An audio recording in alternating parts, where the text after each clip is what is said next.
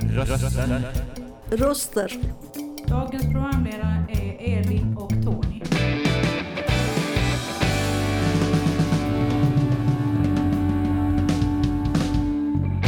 Dina röster i vardagen. Då ska vi se, då har jag förberett lite frågor till Anna-Karin. För frågan som vi egentligen ville prata om det är ju hur fontänhuset och biosfärområdet Vombsjösänkan Stork Rike. riket kan stötta varandra. Och då frågar jag på ett väldigt brett sätt vad det gäller mål 17, det som jag pratade om senast. Det som handlade om genomförande och globalt partnerskap. Och hur kan biosfärområdet verka för att nå detta mål? Ja, precis som jag sa tidigare i min presentation så grundar sig hela biosfärarbetet egentligen på att utgöra någon typ av eh, både global och nationell och lokal samverkan. Vi ingår ju i ett nätverk med 714 eller strax över 700 i alla fall biosfärområden runt om i världen som vi ska samverka med globalt. Eh, och vi ingår i ett nationellt nätverk med biosfärområden i hela Sverige där vi ska samverka. Och sen ska vi också då eh, lägga en grund för lokalt samverkan. Samverkan med Fontänhuset, samverkan med lokala aktörer med universitetet etc. Så att jag tycker i allra högsta grad att eh, biosfärområdet och biosfärverksamheten kan bidra till eh, det globala målet. Mm. Det låter bra. Och då är det här en fråga som är lite känslig, men som jag tycker är viktig för att eh, vi har just haft ett val. Och då blir frågan så här, hur gör vi för att politisk färg inte ska vara avgörande för genomförandet? Ja, genomförandet av de globala målen eh, bör ju inte vara avgörande beroende på vilken politik vi har. Jag tänker att eh, Eh, det är lika så med biosfärverksamheten. Däremot så kan man väl tänka sig att eh, eh, de olika politiska blocken vill lite olika så att vi kan få fokusera om vår verksamhet något. Eh, jag tänker till exempel på just natur ser jag som en av de sakerna som majoriteten eller båda blocken faktiskt vill eh, värna på olika sätt. Medan det då finns andra frågor som kanske är lite mer kontroversiella som vi inte kommer ha fokus på eh, just nu. Så jag hoppas ju i alla fall att politisk färg inte ska vara helt avgörande för hur vi ska kunna arbeta gentemot de globala målen och, och eh, även ja, i biosfärområdet. Men det är en känslig fråga, som du säger. Ja, och nu, just nu sitter vi och räknar röster nästan, så det, det är ja. lite speciell tid vi har i Sverige. Jaha, och sen handlar det om mål 16, fredliga och inkluderande samhällen. Och då hade vi delmål 16.1, minska våldet i världen. Mm. Hur ska vi göra för att nå detta mål med biosfärområdets hjälp? Ja, men jag tänker att biosfärområden eh, finns ju runt hela världen som jag sa och ingår ju i ett globalt nätverk och det har ju potential att ta turister hit från resten av världen där vi har möjlighet att visa upp vårt svenska samhälle och de grundvärderingar som vi står för och vårt öppna samhälle. Men sen tänker jag någon, på någonting annat också, kanske lite mer lokalt. Eh, det här med inkluderande samhälle. Och ett inkluderande samhälle ska ju ta tillvara på människors eh, vad människor vill och, och, demokratiska värden. Och genom då att biosfärområdets eh, grund handlar om att inkludera människor, att inkludera till exempel alla de här aktörerna i biosfärfestivalen, att alla ska få vara med.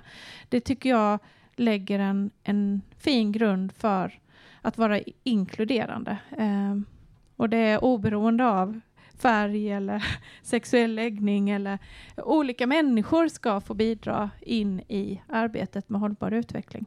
Det är jätteviktigt. Och en viktig grund för biosfärområden världen över. Mm. Ja, just det. Och eh, Precis. Turism kan ge en, folk en inblick i hur det fungerar i ett konfliktfritt land, till exempel i Sverige då, men generellt över hela världen så är det ju ganska häftigt att det finns så många biosfärområden som man kan besöka och eh, ta inspiration från. Jaha, Absolut. då har vi ekosystem och biologisk mångfald, mål 15. Mm. Och hur gör biosfärområdet för att främja ekosystemen och den biologiska mångfalden? Ja, eh, det berättade jag innan i min presentation också, att den biologiska mångfalden som vi har i det här området är en av de högsta i Sverige. Eh, och för att överhuvudtaget vara ett biosfärområde så behöver du väldigt höga biologiska värden. Så det är klart att biosfärområdet också måste arbeta för att bevara natur. Vi ska jobba med att både bevara, eh, bruka och använda och, och utveckla naturen på olika sätt. Eh, och eh, när det gäller då den mer bevarande delen, som kanske då handlar om att bevara den biologiska mångfalden, då samarbetar ju vi väldigt mycket med Länsstyrelsen bland annat och kommunerna som är ju de aktörerna som avsätter till exempel naturreservat och, och eh, eh Natura 2000-områden och liknande och är ju jätteviktiga att vi bibehåller de områdena som vi har avsatt då till naturreservat och liknande. Eh, men sen kan man ju också jobba med att utveckla naturen. Man kan ju till exempel jobba med att eh, utveckla ekosystemtjänster ännu mer i, eh, i biosfärområdet. Vi skulle kunna, det har vi inte gjort ännu, men vi skulle kunna till exempel jobba med pollinerande insekter mer. Vi skulle kunna, eh, som i vissa, eh, eh både kommun i Sverige och Danmark bland annat, har jobbat med att anlägga stora ytor med, med eh, blommande ängar och liknande och det skulle vi kunna jobba med i hela biosfärområdet. Så att det finns ju stor potential eh, som vi bör jobba vidare med. Och vad är, är, är det för något, en ekosystemtjänst? En ekosystemtjänst är en tjänst, eh, en nytta eh, som vi människor har från naturen. Till exempel då pollinering av grödor. Utan pollinering eh, av grödor till exempel så, eh, eller av våra äppelträd så får vi ju inga äpplen. Och pollineringen sköts ju av våra insekter, eh, bin och fjärilar och liknande. Och de är då en ekosystemtjänst. De gör oss en, människor en tjänst egentligen. Och det, vi hade våtmark här uppe också. Våtmarken bidrar också med till exempel rening av vatten. De är också en viktig eh, ekosystemtjänst som vi har. Vad bra, nu kommer det frågor mitt i här. Det var precis det vi ville. Vi hade en annan fråga faktiskt här också innan. Ja, jo, nej men jag tyckte det här var så spännande med pollinering och sånt där. För att nu är inte jag den som kan mest om detta, men vi har precis suttit och pratat om vad vi hade velat göra med fortsättning med naturkontakt och sådär, det här projektet vi har haft med Lider. Och en idé som har kommit upp är just att tänk om vi kunde jobba mer med sådana saker, alltså i vårt eget närområde med att skapa naturliga ängar och dra med, alltså Mm. både här där vi är på våra kolonier, Mm. eh, kanske på boenden ute i Lund eller hemma Mm. hos medlemmar i deras trädgårdar. Mm. Men tänkte jag skulle det vara intressant också att ha ett samarbete kring det. Alltså om vi har personer här som hade tyckt att det var roligt och meningsfullt att Mm. göra det, att vi kunde ha ett, Det göra, det, en- göra det i ett biosfärområde liksom. Absolut, det låter som en jättebra eh, Det låter som idé. vi har en halv ansökan Ja, här. absolut. Ja, vi, Kom igen nu. så att vi kommer ut till er i biosfärområdet. Ja, vi har och, faktiskt pratat Ja. om det, att, att just jobba med eh, pollinerande insekter och försöka få till större områden med... eh, Ja, men vad spännande. Vi har i alla fall en medlem här som jag vet är specialist inom området som hade Mm, kunnat utbilda kul. oss och sen hade vi kunnat hjälpa er med Precis. det. Mm. Det låter Kanske. jättespännande. Alltså nu ska inte jag lova för mycket men vi kan väl, eh, ja, vi pratar det kan vi väl om det. försöka göra. Ja, ja, kul. Kul, tack. Eh, fler frågor här var det kanske eller? Vill du? Agnes. Agnes, vill du komma Vill du upp? Agnes? Nej, men jag bara tänkte på, ja, med det här med politiken och frågor och det, så tänkte jag att man kanske kan göra som vissa fackförbund gör, att eh, eh, kanske även Naturskyddsföreningen, att man ställer vissa frågor eh, om natur till politiker och så till de olika partierna, och så ser man då vad svarar de på det intresset som, som, ja, som ni har i de här frågorna, och sen får ju folk då sedan när det kommer till val så får man ju välja det partiet som kanske tar bäst tillvara på de här, eh, det här viktiga eh, miljö, natur och miljöfrågor och så. Och så. Ja, men det bra Men idé. Tack så mycket Agnes.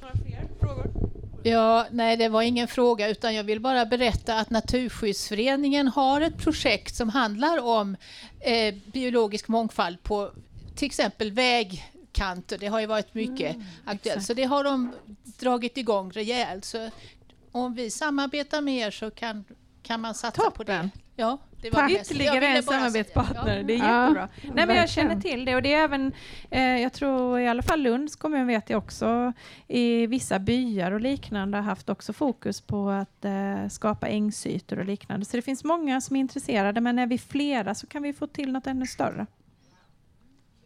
Yes. Ja men gud, det här liknar någonting. Nu kommer Börje också. Tack. Jo, det finns ju ett litet problem vi har idag och det är de invasiva, alla arter. Och de är inte någonting som man ser bara så där dyker upp här och var, utan de, de är verkligen invasiva. Har ni någon, några tankar på hur man kommer åt det problemet rent konkret? Hur man, Svår fråga. Eh, vi har inte inom biosfärarbetet arbetat med det ännu, men det är ju en jätte, jätteviktig fråga eh, och som jag- jag vet man kämpar med både på länsstyrelsenivå och på kommunnivå. Eh, och hur man kommer åt det, jag vet inte. Det beror säkert på också vilken invasiv art eh, man pratar om. Eh, Jag tänkte bara som en kontrast till en lite eh, kanske för optimistiska tankegångar kring att eh, själva börja plantera sånt där så är det ju lätt till att man då Mm. helt plötsligt ställer till en massa oreda med arter som inte hör hemma mm, här. Så- ja, nej, det ska man ju definitivt Nej. inte göra. Det räcker med de vi, vi har. Ja, eh. jag tänkte också det, har ni kontakt med ekostationen mitt på Stensoffa där? Absolut. Det Vi har har samarbete med Lunds universitet eh, och Stensoffa. Eh, Mm. Och på Lunds universitet med lite olika institutioner. Det är också en väldigt viktig del av ett biosfärområde att eh, koppla ihop biosfärområde med forskning eh, för att få till innovation.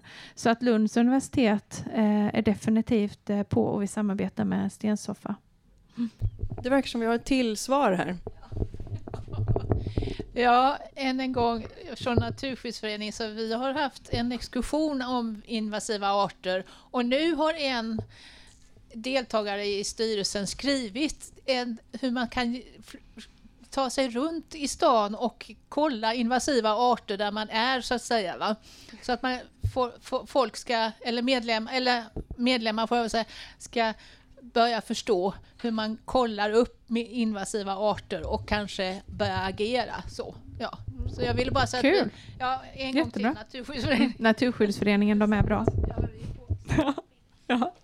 Jaha, från invasiva arter på land kanske till invasiva arter i havet. Det finns ju problem där också som ni kanske har sett. Det är bara att titta ner i närmsta damm så ser man vissa grödor, eh, alger och växter som växer till sig. Fort som tusan går det. Mm. Eh, och då frågar jag på mål 14, hav och marina resurser. Och delmål 14.1 är minska föroreningarna i havet. Mm. Och då frågar jag hur biosfärområdets markanvändning påverkar hav och marina resurser. Vi har ju en jättestor påverkan. Eh, som jag pratade om innan så har vi ju en, eh, stor livsmedelsproduktion inom eh, de här tre kommunerna, jordbruksmark i nästan hela området. Eh, och tyvärr är det ju så att eh, i eh, livsmedelsproduktion så använder vi också bekämpningsmedel. Eh, inte i ekologisk kravmärkt eh, livsmedelsproduktion men i eh, vanlig livsmedelsproduktion. Och vi använder ju också tillför olika typer av näringsämnen. Eh, och de här näringsämnena och eh, olika kemikalierna de läcker ju ut i våra vattendrag. Eh, och till slut så hamnar de ju i havet. Eh, och det är inte bara livsmedelsproduktionen för sen har vi ju eh, VA-systemet, alltså avlopp, eh, avloppsvatten och liknande som också går ut eh, i våra åar och liknande från våra reningsverk. Så att det finns många olika sätt som vi människor eh, med vår produktion och vårt levnadssätt eh, bidrar, även i biosfärområdet Vombsjösänkan, till eh, att eh, havet eh, och marina resurser eller havet och, och, och helt enkelt missgynnas på olika sätt. Och det behöver vi verkligen fortsätta att arbeta med. Eh, inte minst genom, om igen, våtmarker var uppe här tidigare som är jätteviktiga för att reducera läckage till eh, eh haven, ta upp näringsämnen och sedimentera olika saker som kommer ner. Eh, och eh, såklart behöver vi också jobba med vår livsmedelsproduktion för att försöka minska utsläppen från eh, produktionen av livsmedel. Men det blir nog svårt att komma ner till noll. Men eh, jag hoppas verkligen att vi inom framtiden ser en annan typ av produktion som kommer minska läckagen till hav och, och eh, ja, marina miljöer. Mm. Ja, Men det, finns mycket att göra. Det låter hoppfullt i alla fall. Ja. Jaha, och nästa mål som jag har pratat om, det är mål 12, hållbar konsumtion och produktion. Och det var ganska mycket om det. Men då frågar jag så här, för det handlar ju om fontänhuset och de globala målen. Och då frågar jag, hur kan fontänhuset förbättra våra inköp så att det främjar en hållbar utveckling? Mm. Det finns ju många sätt som ni eh, inte bara skulle kunna faktiskt jobba med att eh, era egna inköp utan er, er verksamhet också. Eh, jag tänker först och främst att jag vet inte om ni är ISO 14000 certifierade. Eh, miljö... Nej? Har ni något systematiskt arbete med miljö och konsumtionsfrågor? Där ni liksom systematiskt sätter er ner och tittar på er verksamhet, hur ni bidrar på olika sätt. Eh, annars skulle ni kunna ha en, någon typ av miljöledningsgrupp eller liknande miljögrupp som jobbade med systematiken. Det är ett sätt. Det tänker jag vore jättebra. Alltså, det hade väl varit super att göra det med.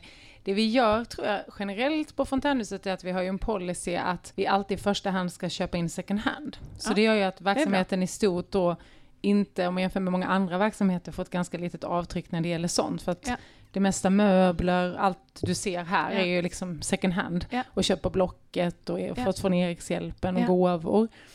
Så på så sätt så, redan där har vi ju kommit ganska långt i de frågorna. Men jag tänker mycket kring kanske med maten, tänker jag till exempel att man Mm. kan titta på. Nu har vi försökt jobba mer mot att få in mer vegansk matlagning och så. Ja. Och det är ju ett steg i en mer miljöinriktad eh, konsumtion när det gäller kök. Ja. Men det hade väl varit en väldigt spännande idé att Mm. utveckla. Och det tror jag vi har funderat mycket. Jag vet Eva bland annat, hon är inte här nu, men Eh, vi har vid vissa tillfällen försökt dra igång en sån där grupp och sen så har det liksom, ja men vi har inte haft tid eller ni vet sådär, att det liksom runnit ut i sanden. Men, det, viktigaste är ju egentligen att ni gör saker och Ja. det låter ju som att ni redan gör saker. Men, Jo men det tror jag vi gör, Mm. rätt så mycket, men det finns nog ännu mer intresse i verksamheten att fördjupa det och som du säger lite mer systematiskt titta vad är det vi kan göra för att förbättra ännu Mm. mer. Ja. Så det tycker jag hade varit jättebra. Mm. Mm. Lisa? Ja, jag tänkte bara nämna lite grann om det här eminenta nya salladsbordet vi har i vårt nya fina kök.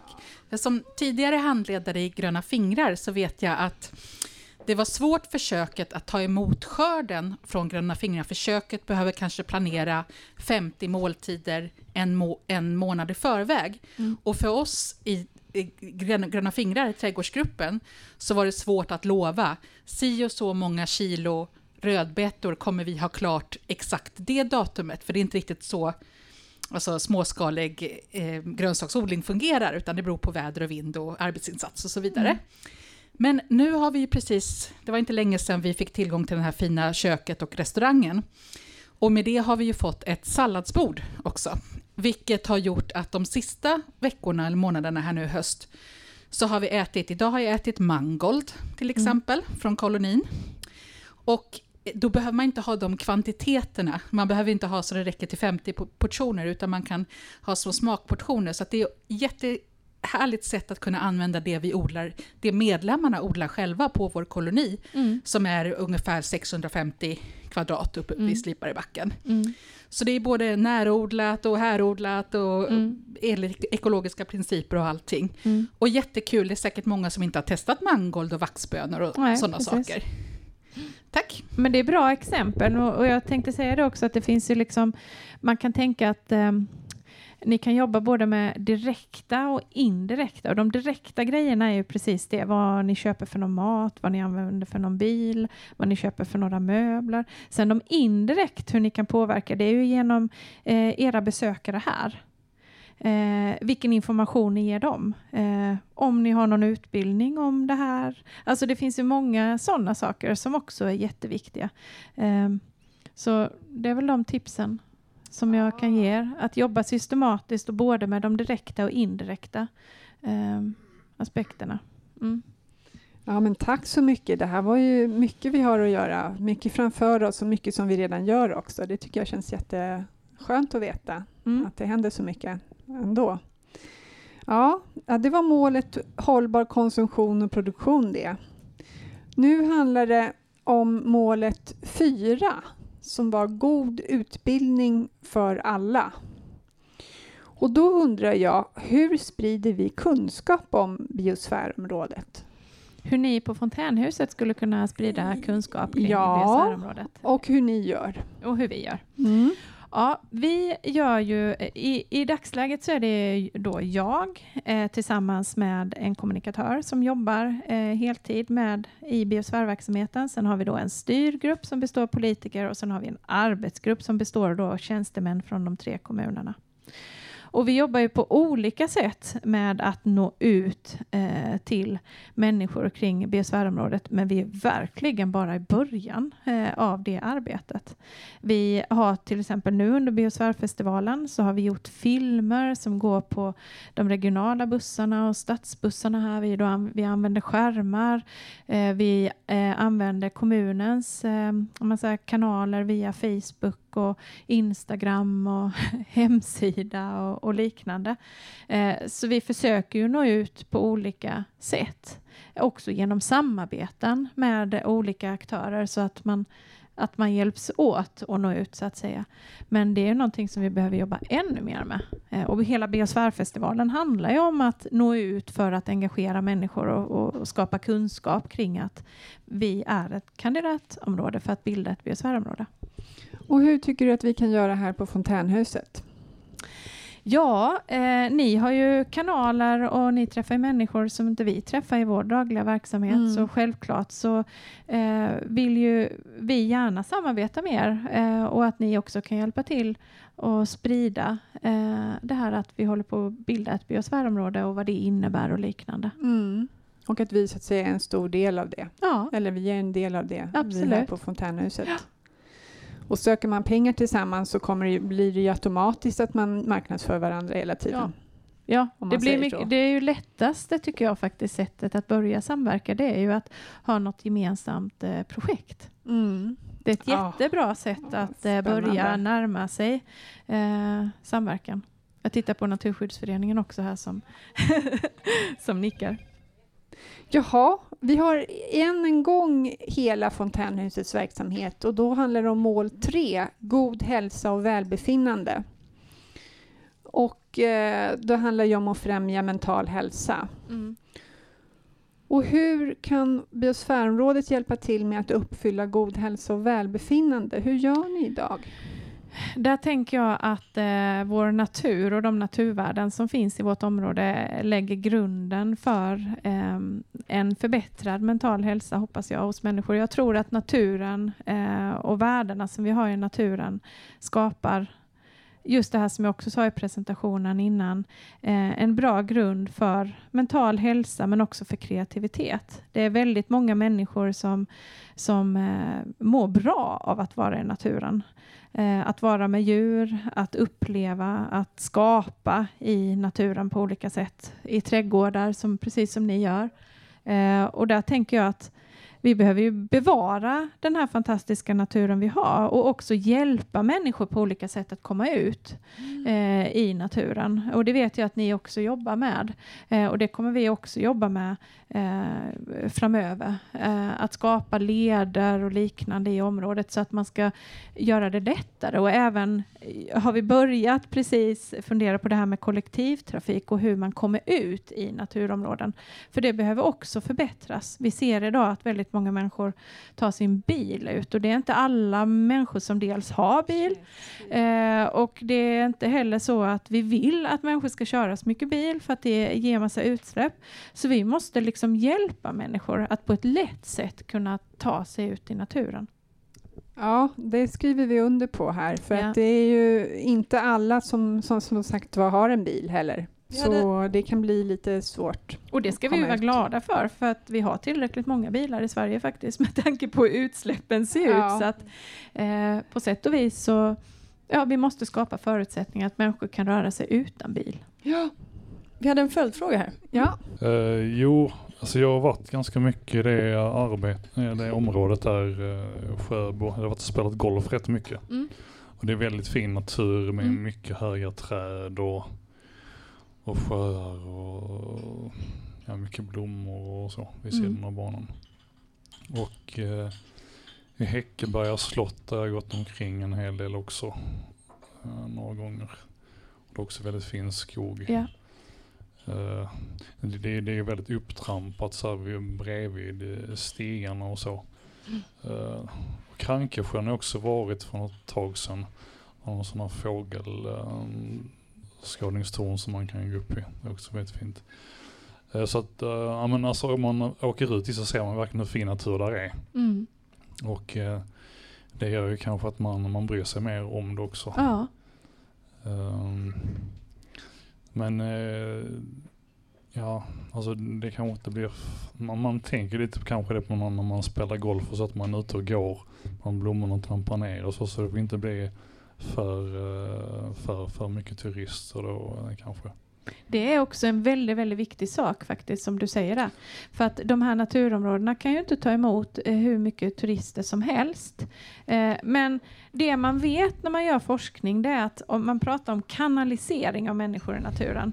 Det innebär att man försöker få människor, gör man, jobbar man med ledutveckling och sådana saker, så gör man att 90 5 procent eller någonting sånt stannar längs de lederna. För det gör faktiskt de allra flesta Ja. eh, av oss.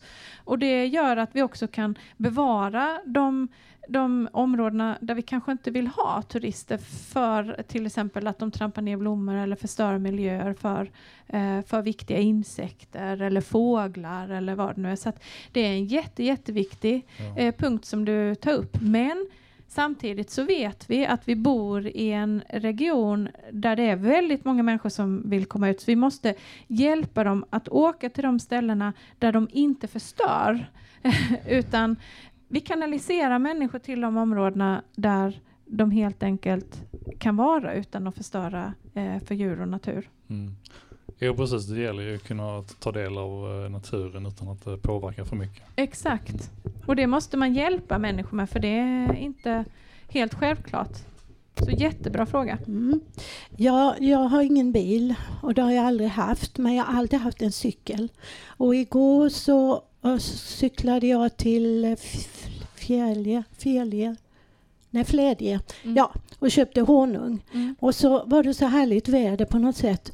Och så då cyklade jag vidare till Bjärred. Och sen, ja det var fortfarande så fint vid havet, alltså så underbart och, och solnedgång, eller solen som sakta sjönk ner. Så jag cyklade till, eh, eh, alltså, nu står det still i huvudet, Lomma. Lomma. Och sen cyklade jag hem och då hade det hunnit bli kolsvart. Men gud vad jag upplevde under den turen. Va? Och det Mm. finns ju cykelvägar he- hela tiden. Mm. Ja, Mm. så det rekommenderar jag. Och eh, när sen från det ena till det andra, så jag, jag tar gärna emot, jag har en eh, ganska så illa skött eh, eh, odlingslott och jag tar gärna emot tips om hur jag kan odla sådana växter som insekter gillar. För det gör de ju där uppe, vad heter det nu, där på öster... Brunshög. Ja, på Brunshög gör de det. Och, det, och då, när jag fick veta det så tänkte jag att det kunde vara någonting för min odlingslott. Mm. Ja, nu har det fått växa rätt så fritt och mycket ogräs och så. Jag måste säga att pollonis, pollinisatörerna, eller Ja. vad kallar man Pollinisatörerna har verkligen varit flitiga. Alltså jag har fått jättemycket äpplen, hur mycket som helst. Va? Mm. Ja, Det var kul. ja. Ja, men, så eh, vi, vi kan samarbeta med det också. Ja. Jag tänker att eh, det låter fantastiskt med din cykeltur och det är väl det allra bästa sättet att uppleva naturen är väl att cykla eller gå i den. Eh, och även om det finns mycket cykelleder eh, så hade, om jag fick önska så skulle jag ännu fler och, och speciellt utåt eh, Vombsjösänkan där det är vissa områden är svårt att röra sig mellan. Och att man kunde ta cykeln med på bussen. Det kan man inte fullt ut idag, tyvärr. Så det hade jag önskat. Och när det gäller pollinerande insekter eller polliner växter som är bra så finns det ju många olika typer av eh, bland annat blommor, men lavendel till exempel älskar ju eh, och de sköter ju sig själva. Så skulle jag rekommendera något så skulle det kunna eh, vara. Men det finns ju många andra eh, blommor också som är jätte, jätte, jättebra. Ja, nu har vi Lisa som kommer här och vill säga någonting. Ja, jag är tillbaka här med en liten ytterligare kommentar. Jag ville bara kommentera alla. In, jag önskar att all, vi alla hade sån kondition som Ann-Sofie. Ja. Eh, det är fantastiskt att hålla igång. Eh, men om man inte orkar cykla, då finns ju också kollektivtrafiken. Mm. Och eh, ett stort hinder för många människor som saknar friluftsvana och många människor med psykisk ohälsa, det är att man kanske saknar erfarenhet av att vara ute i naturen, man är inte uppväxt med det. Och man saknar också bil många gånger. Och många gånger är ju bil det lättaste sättet att ta sig ut i naturen. Men därför har vi värnat extra då. Vi kommer ju komma ut i samarbete med redaktionen, så har vi ju tagit fram en liten guidebok kan vi säga, till tio stycken favoritplatser i Lundaland. Det är kommunerna runt om, landsbygden runt om Lund här. Och där har vi tagit fasta på det just att det ska gå att åka kollektivt till alla de här platserna. För det är ofta det som kan vara ett hinder, för det är inte alltid så lätt att titta upp.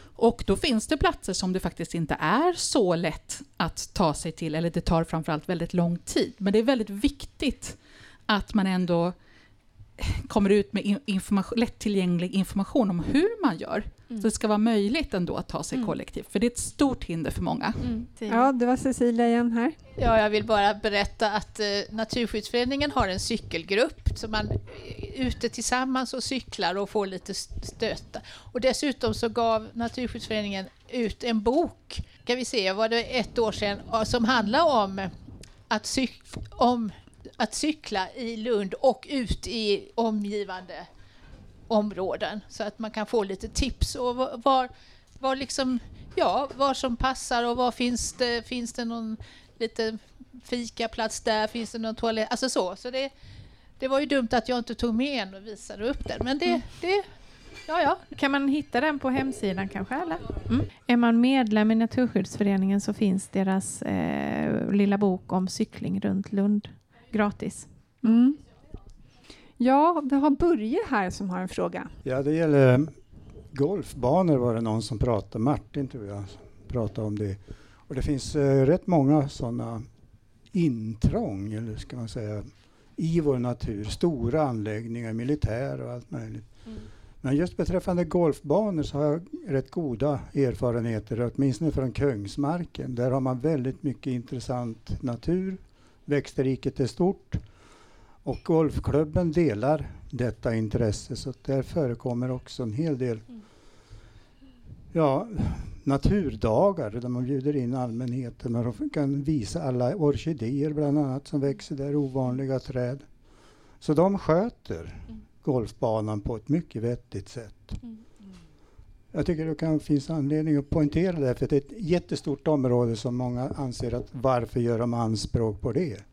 Och det tackar jag dem för att de gör. Mm. Det finns ju uh, golf. Uh, golf är ju ett exempel där man kan jobba, uh, precis som du säger. Men jag tänker faktiskt på Revingehed också, där vi har militär verksamhet i ett väldigt stort område. och det kan man ju tycka vad man vill om. Men en sak är säker faktiskt att det är mycket på grund av att vi har det, den militära verksamheten där som vi också har det här jätte jättestora naturområdet med väldigt höga naturvärden. Och även deras maskiner, när de kör med sina bandvagnar, skapar superbra förutsättningar. Det är helt grundförutsättning att i de här sandmiljöerna som det är, det är sandmark ute på Revingehed, deras bandvagnar gör att sandblottor rivs upp, alltså det blir sand, och det skapar förutsättningar då för insekter eh, och liknande som inte hade funnits där annars. Så, så eh, det är så också att bara för att man är en verksamhet eh, så behöver, man inte, behöver inte det vara negativt utan det kan vara positivt på många olika sätt. Och ett annat exempel är de betande korna ute på Revinge. Utan betande djur i landskapet eh, så hade vi inte haft den biologiska mångfald som vi har idag. Nej, betande djur kan göra su susen Ja. för orkidéer och annat. Precis. Jaha, men det här var ju ett utförligt svar och väldigt mycket intressanta frågor till mål 3, god hälsa och välbefinnande. Så jag går till mål 2. Och då handlar det om där vi är nu, kök och kaféet, ingen hunger. Och hur, frågar jag då Anna-Karin, hur kan vi styra in mathållningen till närodlat? Om vi tänker att vi ska främja biosfärområdet så mycket som vi kan Mm. och även äta av maten därav. Det är ju extra aktuellt idag med höga bränslepriser och gasen som blir dyrare också. Mm. Den närodlade maten är ju jätteviktig och som jag sa eh, innan så är ju det här området eh, en av de viktigaste områdena i Sverige och kanske världen att producera livsmedel och vi bor ju mitt i det. Så det är klart att vi ska dra nytta av det. Eh, sen, ehm, och handla så mycket närodlat som möjligt. Men sen är det ju så att ehm, när det gäller när, eh, alltså livsmedelsprodukter så är det inte nödvändigtvis så att en närodlad tomat är bättre ur miljösynpunkt än en tomat från Spanien. För den största miljöpåverkan en viss gröda har, det är hur du odlar den, inte transporten. Så det ska vi inte glömma. Det är jättebra med närodlat för det gynnar lokala aktörer och i viss mån också är det bra för miljön. Men det är inte alltid så att närodlat är bättre än någonting som är odlat eh, lite längre bort. Det beror på vilken produkt vi pratar om. Det finns ju liksom, om vi skulle odla apelsiner här så skulle det kräva jättemycket energi. Mm. Eh, eller hur? För att energi, de- de växer ju i varma klimat. Då skulle vi behöva värma upp stora ytor. Det är likadant med tomater. När vi odlar tomater på vintern så behöver vi ju värma upp växthusen. Och då kan det faktiskt vara mindre miljöbelastande att importera tomaterna från Spanien. Det är ofta så faktiskt. Så i grund och botten handlar det ju också om att vi behöver äta sånt som är eh, i, skörd just nu. Vi behöver äta mer kål och morötter och den typen av traditionella grödor som vi odlar här i Sverige. Eh, och kanske minska på importerade eh, grönsaker. Eller vi kanske inte kan äta vissa typer av grönsaker året om. I alla fall inte i lika hög utsträckning. Mm. Men vi kan ju ha jättebra mat i alla fall. Ja, eh, Ann-Sofie vill ha ordet där och det ska hon få. Alltså vi har ju fått veta att eh, matpriserna stiger och stiger. Men något som inte stiger, det är morötter. Så det har jag, jag har köpt jättemycket morötter och, och, och, och, då, och det är jättegott att äta om man doppar i någon sån här dipp. Ja, det var bara ett tips. Passa på, köp morötter. Ja, morötter, de ska vi definitivt inte importera. Det har vi gott om här i Sverige och det är nyttigt eh, och det är billigt. Så jag håller med. Vi behöver äta mer morötter. Bra tips. Ja. Och eh, från morötter till eh, mål ett, ingen fattigdom, där jag i Sverige inte tycker att man kanske pratar om fattigdom i form av pengar, för det finns ju ändå ganska många människor som har mycket pengar. Nu ska jag inte gå in på politik och prata om pensionärer och sådär, utan det hoppar vi. Men däremot lika rätt till egendom, grundläggande tjänster, teknologi och ekonomiska resurser. Och det här är en liten klurig fråga för att här frågar jag hur påverkar lämplig ny teknik biosfärområdets verksamhet? Mm. Och vad säger du där, Anna-Karin? Det finns, ju, det finns ju en rad olika tekniker som kan eh, påverka vår verksamhet och påverka eh, miljön i vårt område. Och jag tänker att eh, teknik i form av internet och digitala möten och liknande kan ju absolut hjälpa oss dels att ha mer kontakt med varandra utan att vara på plats. Det kan minska utsläppen på olika sätt. Så det är en typ av teknik som vi kan använda för att både socialisera eh, med varandra utan att nödvändigtvis träffas. Det kan ju också underlätta för vissa människor, tänker jag, eh, som kan ha svårt med sociala kontakter, kanske lättare via en skärm eller något liknande. Men sen finns det ju många andra typer av tekniker också som vi skulle kunna utnyttja i, i biosfärområdet. Allt från, liksom, jag vet inte, nya tekniker med självkörande bussar och, och eh, eldrivna fordon och ni vet, det finns ju hur mycket teknik som helst som vi skulle kunna använda för att ut, eh, utveckla vårt samhälle och som också skulle bidra till eh, minskad, eh, minskade utsläpp. Eh, Då, men- kom, då kom jag på en rolig följdfråga här. Ja. För jag kommer ihåg att jag var på ett, eh, en sammankomst som biosfärområdet hade. Och Mm. där berättade ni om att ni hade haft sjätteklassare som hade fått bestäm, beskriva hur en framtida stad skulle se ut. Mm. Och de hade själva fått göra en stadsplan, alltså. Och eh, har du något att säga om den? Jag var ju personligen inte med i det arbetet utan det var en, det är en annan aktör i biosfärområdet som heter Companion ehm, eh, som är ett, eh, ett, ett företag eh, som eller ekonomisk förening tror jag de är som ligger i, i det här området som jobbade med utvecklingen av Vollsjö. En liten by utanför Sjöbo där man då hade tagit in sjätteklassare för att hjälpa till att eh, helt enkelt göra en modell för hur den här byn skulle kunna utvecklas. Och det var ju jättespännande för de hade ett lite annat perspektiv eh, än, eh, än vad vi vuxna eh, hade. Mitt inne på torget hade de djur och allt möjligt. Jag tyckte, det, jag tyckte att det såg fantastiskt ut om Ja. jag ska vara ärlig. De hade djur på torget, jag kan berätta mer. De hade basket för bebisar. uppe på taket va? Ja, uppe på något tak. Och sen så hade de grävt ner alla bilar under torget. Så att de hade gjort eh, parkering där under på något sätt. Och det var full av framtidstro, eh, det här eh, förslaget. Och jättemycket kreativa tankar som Ja. eh, man som vuxen eh, får liksom tänka till och bara wow. Ja, verkligen. Häftigt. verkligen. Så det finns hopp för Det finns framtiden. hopp. Och viktigt att inkludera, där kommer vi till inkludering igen. Eh, tillbaka till det hur viktigt det är att inkludera eh, barn som, ja, alla i samhället till att ta del av, av utvecklingen. Ja, ja, det är det verkligen. Mm. Och det är roligt också, tycker jag, för barn att få göra sina planeringar, hur de vill ha sin stad. För där ser man ju också vad som rör sig i deras huvuden. Jaha, nu börjar vi närma oss slutet här, men vi har väl lite tid kvar, Per? Tio minuter har vi kvar. Jag undrar, Anna-Karin, är det någonting som du vill tillägga eller något mål som du tror vi skulle prata om mera? Nej, inte vad jag kan komma på nu. Det har eh, varit många diskussioner. Är det något som du kommer på sådär som eh, eh, Ja, jag tänker på en sak faktiskt Mm. som jag tycker är viktigt idag då, och det är ju klimatet. Mm. För det är ju ett eget mål. Ehm, vi ska se här.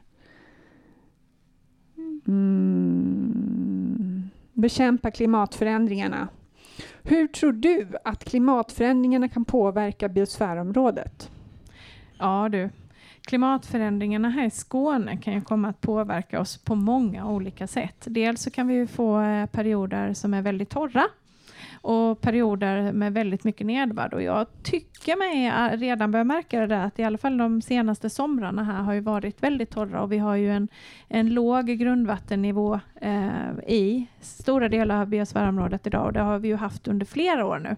Så jag tycker redan vi kan börja se det och när vi då börjar tänka på det så tänker jag ju direkt på jordbrukssektorn faktiskt, livsmedelsproduktionen i det här området som ju kan komma att påverkas eh, och där det kommer behövas en omställning eh, till andra typer av grödor faktiskt som kommer att tåla den här variationen då mellan kraftig torka och nederbörd och sånt. Så att det kommer inte bli lätt. Och sen kan det ju såklart också påverka naturen eh, och de eh, eh djur och växter som finns i det här området.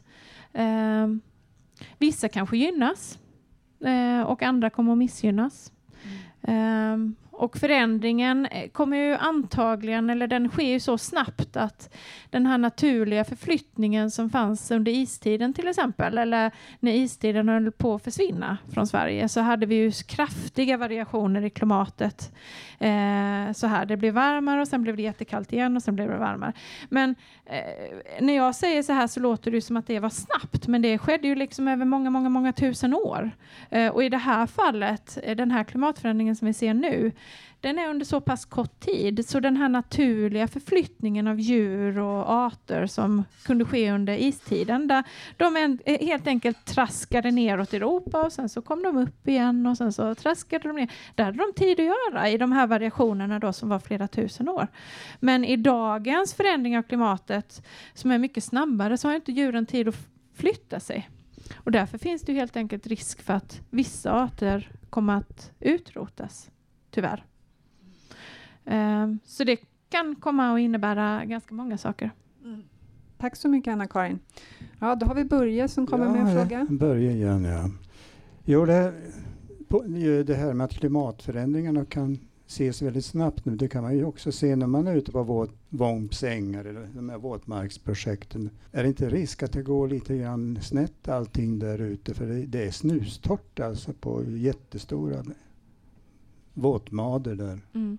Sen är det ju så att de områdena, det är ju sandmarker. Eh, 50 meter sand eh, i, eh, i de här områdena ungefär. Eh, vilket innebär att det blir ju väldigt snabbt det blir ju väldigt snabbt torrt i de områdena. Eh, även om vi inte hade haft en klimatförändring så räcker det med eh, lite grann torka och sen så är grundvattnet lite lägre och då har vi inte de översvämmade ängarna. Men visst, alltså finns det en risk. Men det är också så att eh, med en klimatförändring så säger man också att det kan komma häftigare och större nederbörder.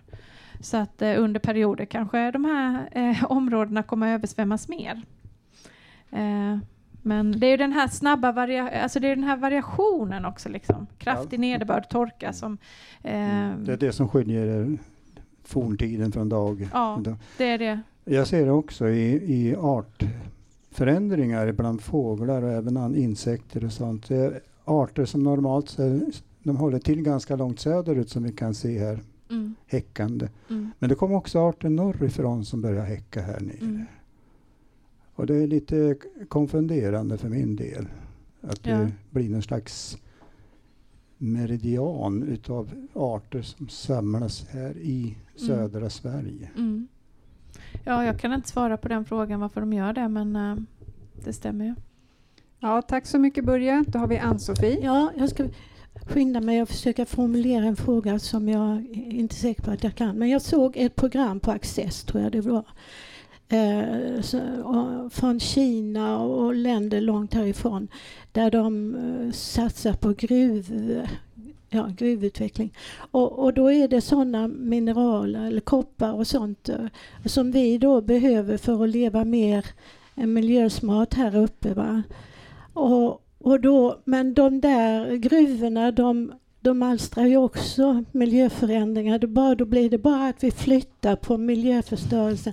Och det tyckte jag kändes förfärligt sorgligt. Alltså vi måste ju tänka globalt alltså. Mm. Vi kan inte bara tänka Nej. på oss själva.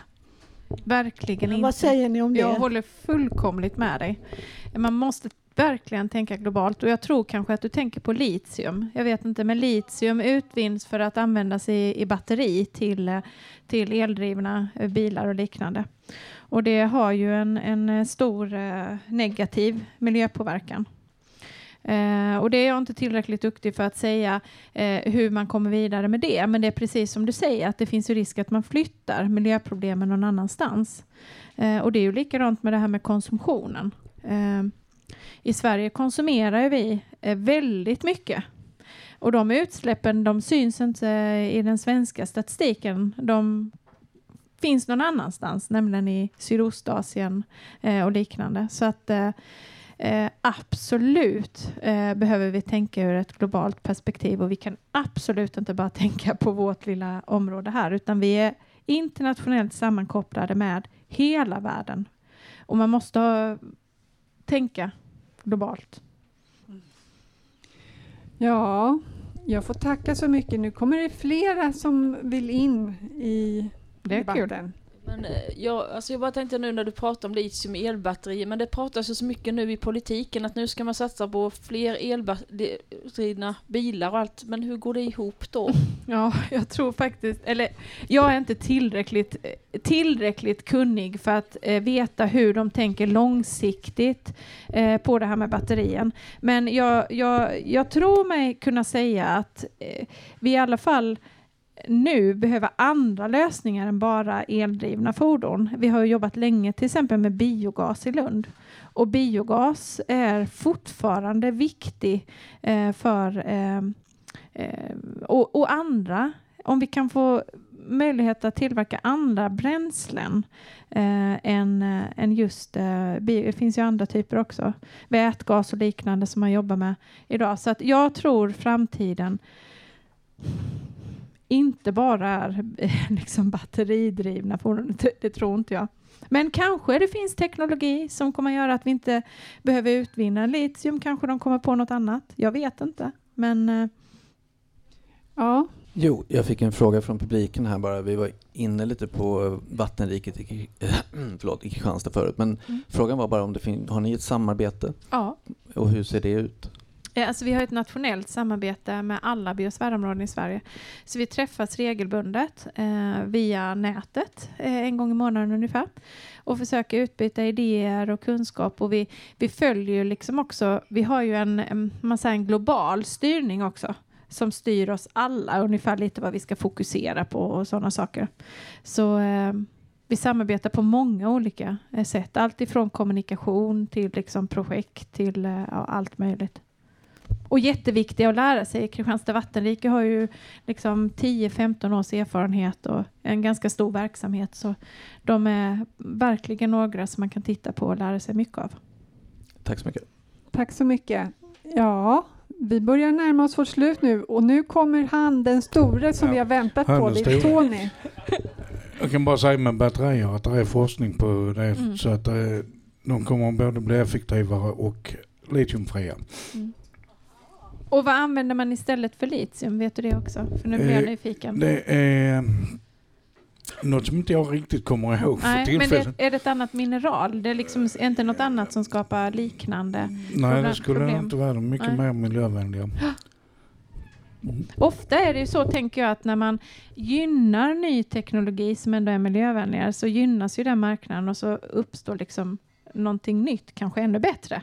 Det är så utveckling går till. Så att, eh, jag är absolut inte negativ till... Eh, Fördelen nu är ju att nu tekniker de får lära sig miljötänk också under sin utbildning. Ja. Det fick de inte förr. nej.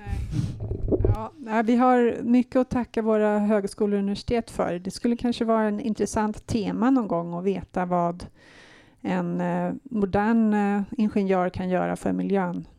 För att det måste ju vara ett helt nytt tänk som du säger. Ja, kan vi- ni bjuda in mig, för jag skulle gärna lyssna på det också. Ja, Det du låter är som ett välkommen. väldigt intressant tema. Ja, ja, men det är vi intresserade av här. Jaha, Anna-Karin, det börjar lida mot sitt slut och jag har en liten present till dig här. Vi ska äta mer morötter. Ja. Så det här är morotsmarmelad Åh, gud vad gott. Tack som vi har snälla. kokat. Från er odling också, eller? Ja, det ska vara från både från odlingen och kokat här på huset. Tack så hemskt mycket, vad glad jag blir för det. Mm. Ja. Tack så hemskt mycket för att jag fick komma till er fina verksamhet. Ja. Ni är verkligen viktiga för många människor. ja, tack så mycket för att du kom. Vi nöjet är på vår sida. Här. Ja, då har vi haft en liten podd om eh, FNs globala hållbarhetsmål och fontänhuset och biosfärområdet Vamsjösänkan. Och vi har haft Anna-Karin Possar här som sitter på, som koordinator för tre kommuner. Eslövs kommun, Sjöbo kommun och Lund kommun för biosfärområdet som är en kandidatur. Och sen har vi mig här, Elin, som har pratat och jag är medlem på Lunds fontänhus. Och sen så har vi också Tony som hjälpte till lite på slutet. Eh, som också är medlem på Lunds fontänhus som har varit med och planerat det här programmet som vi har. Och så har vi vår kära publik som har varit delaktiga med frågor. Tack så mycket. Och det var allt för oss. Tack!